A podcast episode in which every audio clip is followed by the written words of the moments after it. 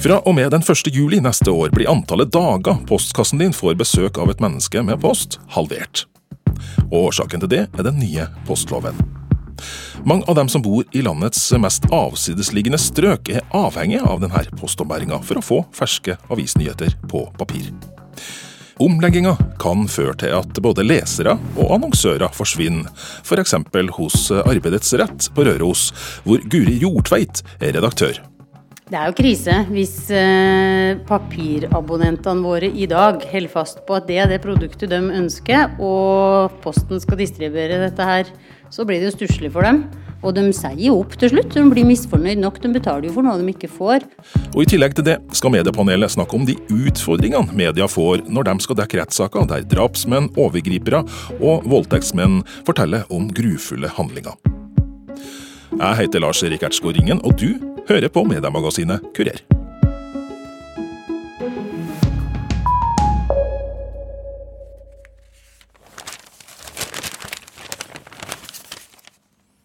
Papiravisene har vist seg å være mer seigliva enn mange medieeksperter så for seg da nettavisene virkelig begynte å ta av her i Norge. De siste opplagstallene til Landslaget for lokalaviser, som organiserer 112 små og store aviser, viser at de til sammen har 238 000 abonnenter som får nyhetene levert på papir. Og rundt 15% av disse avisene er det kun Posten som kan levere.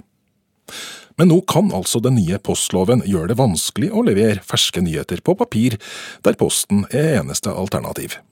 Vi fikk statssekretær Tommy Skjervold i Samferdselsdepartementet til å forklare oss hvordan postombæringa blir etter den 1. juli 2020. Den, eh, det blir to og en halv dag i uken. I dag er det fem dager, så det blir en halvering av, eh, av postlevering eh, i forhold til det man er vant til i dag. Du må nesten forklare det her to og en halv dag. Du kan si Det er delt opp sånn at, at man får får post eh, tre dager en uke og eh, to dager uken etter. Så, så, snittet blir da to og en halv dag. Så det er ikke en eh, halv rute en dag, men rett og slett for å få det til å gå opp. Øystein Øygarden er styreleder i Landslaget for lokalaviser, i tillegg til at han er redaktør i Vest-Telemark Blad. Han forteller at den nye postloven alene ville ha ramma avisbransjen hardt.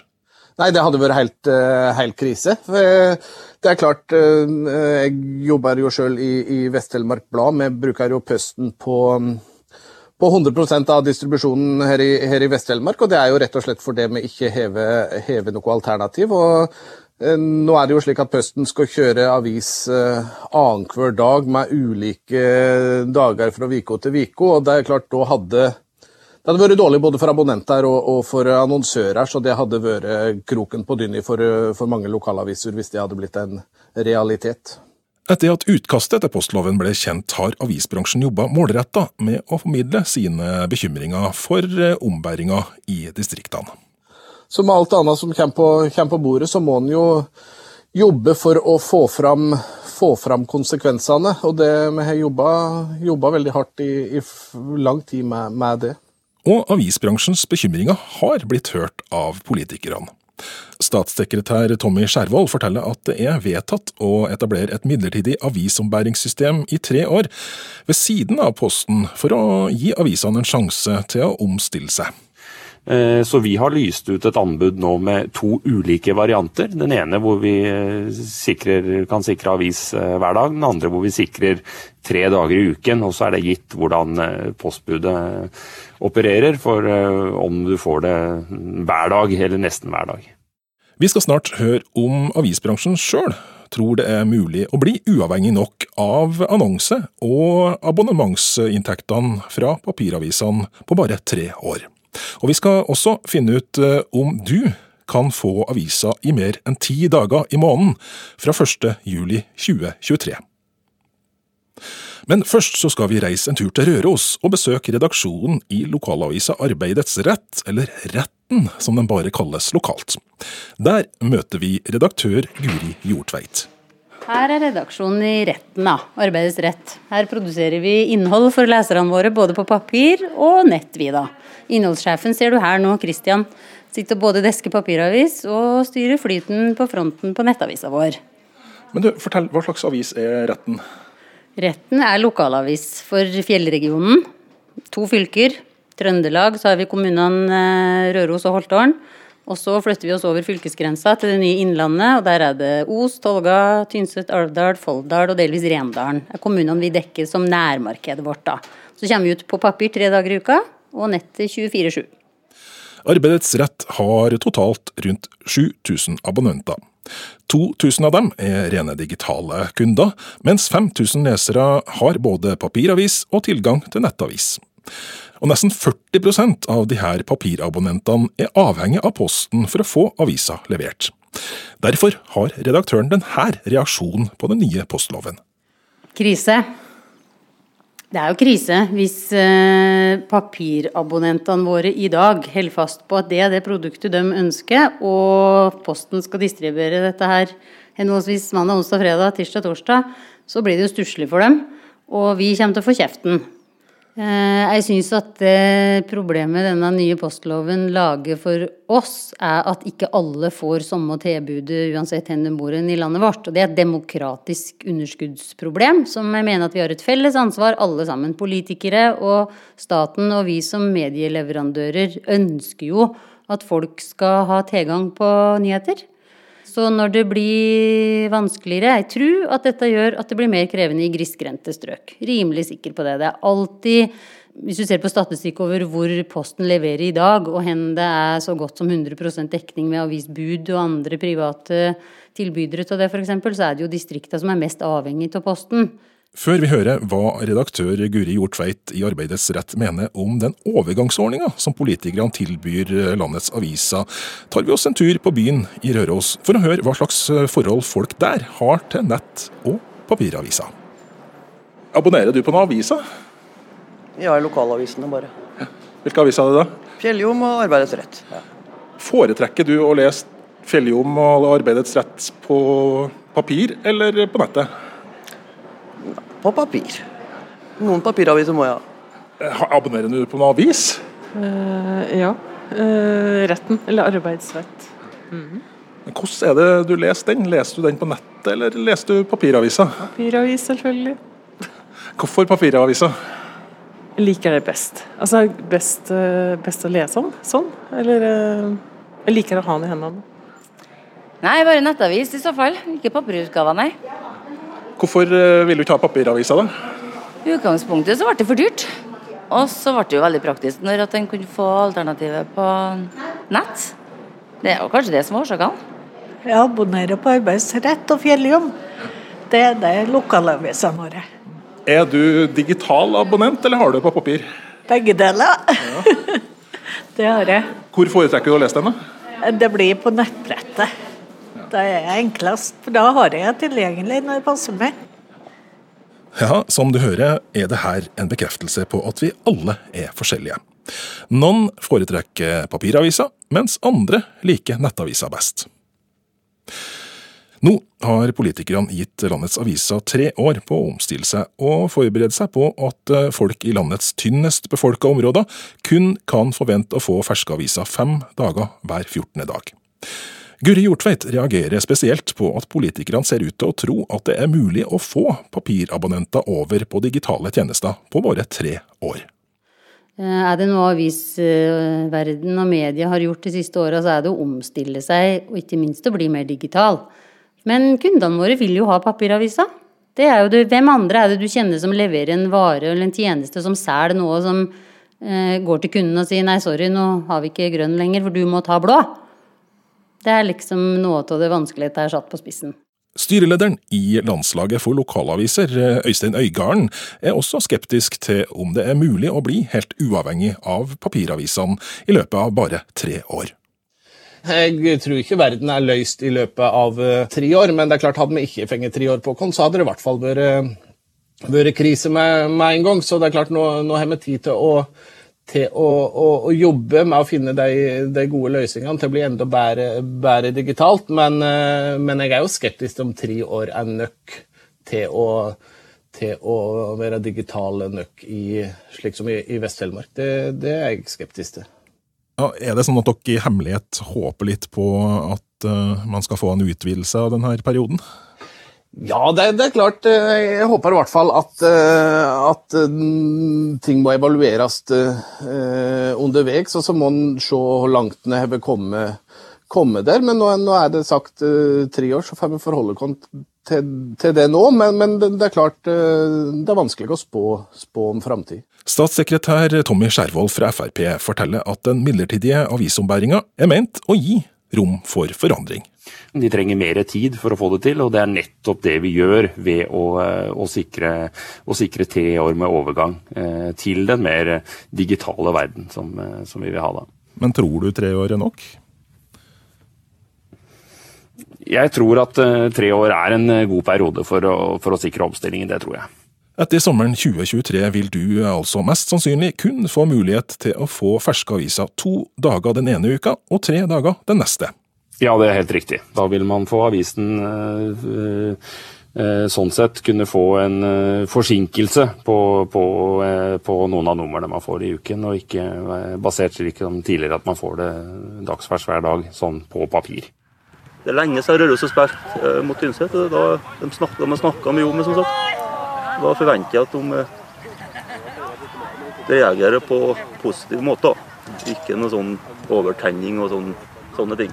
Guri Hjortveit i Arbeidets Rett på Røros er redaktør for en liten redaksjon som satser hardt på å skape godt nettinnhold, f.eks. et TV-intervju med en fotballtrener før et spennende lokalderby i fotball.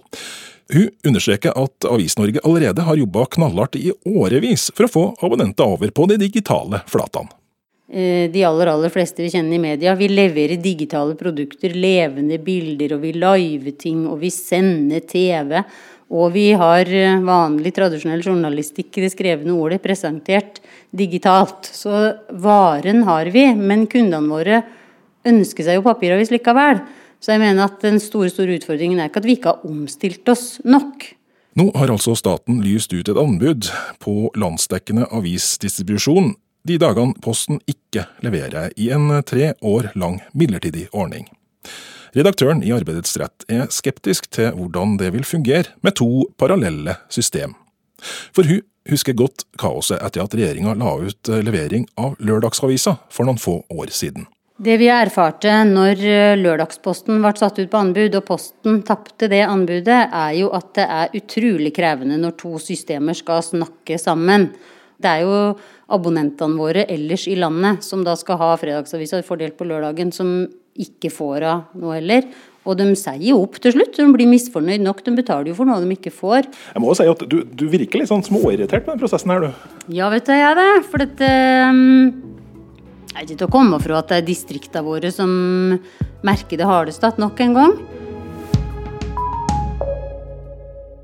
Du hører på Kurer og NRK P2, hvor vi i første halvdel av sendinga i dag har hørt at den nye postloven skaper usikkerhet for framtida for norske lokalaviser. Men nå skal vi snakke om noe som er langt dystrere, når mediepanelet møtes i sitt ukentlige møte for å snakke om de prosessene som foregår bak nyhetsbildet. Og Ukas panel består av reporter eh, Kirsti Kringstad fra NRK Trøndelag, kommentator Terje Eidsvåg i Adressa og VGs krimsjef Øystein Milli.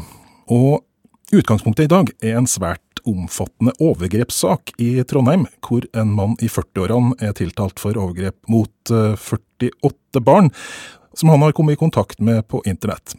Denne uka ble den åtte dager lange rettssaken avslutta, og om et par uker så kommer dommen. Kirsti Kringstad, du har dekka denne saken for NRK Trøndelag og har vært til stede gjennom hele rettssaken. Hvordan har det egentlig vært? Det har vært lange dager. Det å sitte i retten i så mange dager i strekk og høre på det her, det er jo utmattende på et vis. Men um, det er en veldig viktig del av samfunnsoppdraget vårt òg, å dekke det her. Fordi at det her skjer. Det, det, er på ekte. Det er en person som fremstår som helt vanlig, normal ute i, i livet, som har gjort det her mot over 40 jenter. Og da snakker vi om jenter som er 11, 12, 13, 14 år. Du er jo da på en måte et eh, filter mellom alle de grusomme detaljene som du får i en rettssak og offentligheten. Hvordan er egentlig det? Mm, Det her er som sagt veldig mange fornærmede med hver sin unike historie. Og eh, jeg vil jo tro at det de har opplevd eh, her, er, det er det verste de har opplevd. Og så skal vi sitte og fortelle verden om det.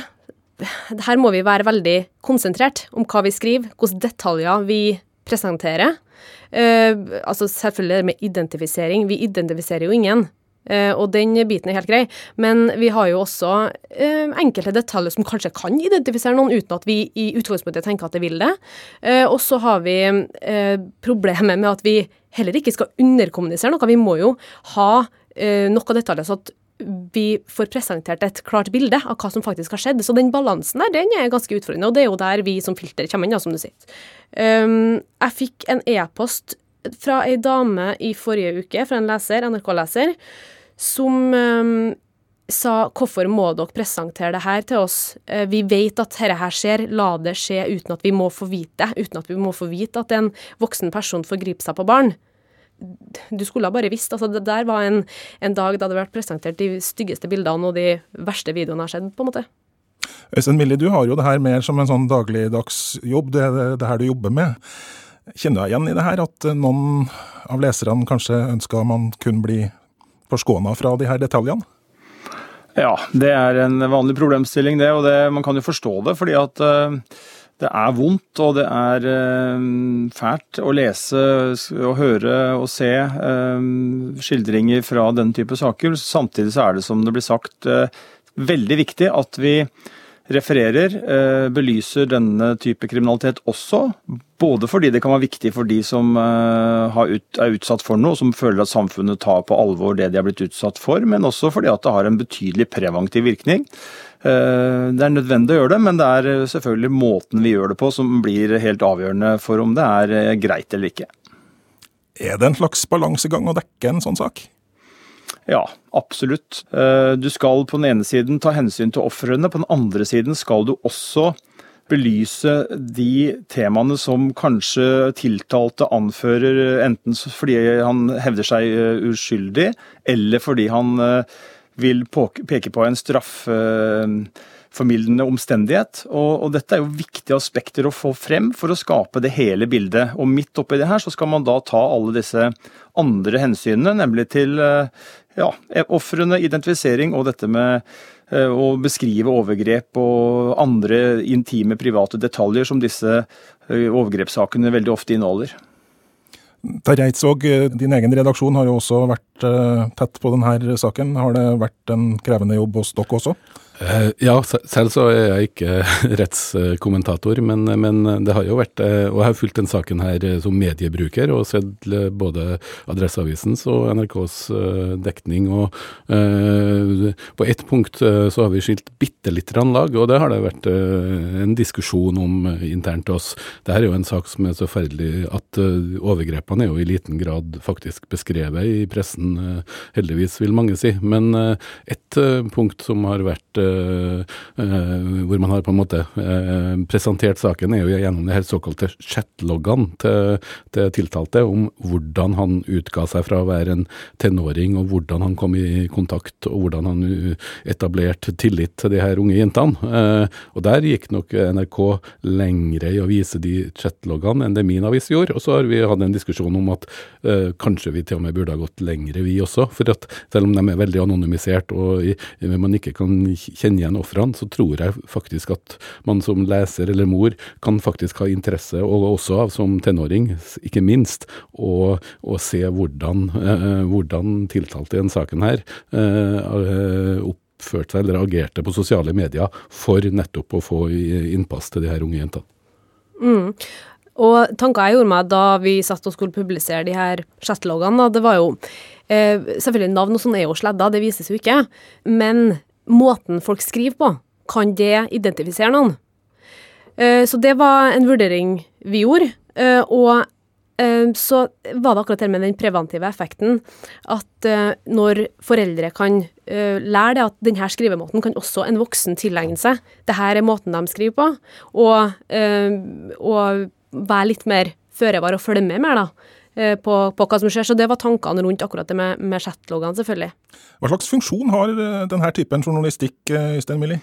Nei, den er først og fremst Noe av det viktigste vi gjør som journalister, er å beskrive det som skjer i samfunnet. Belyse det som skjer, og problematisere det som skjer. Kriminalitet er jo en, dessverre en del av et samfunnsbilde. Overgrepssaker er eh, en del av det igjen, og er eh, så alvorlig og rammer så hardt. Eh, I denne saken her er det vel nå lagt ned påstand om en lang forvaringsdom. Det sier jo litt om alvoret.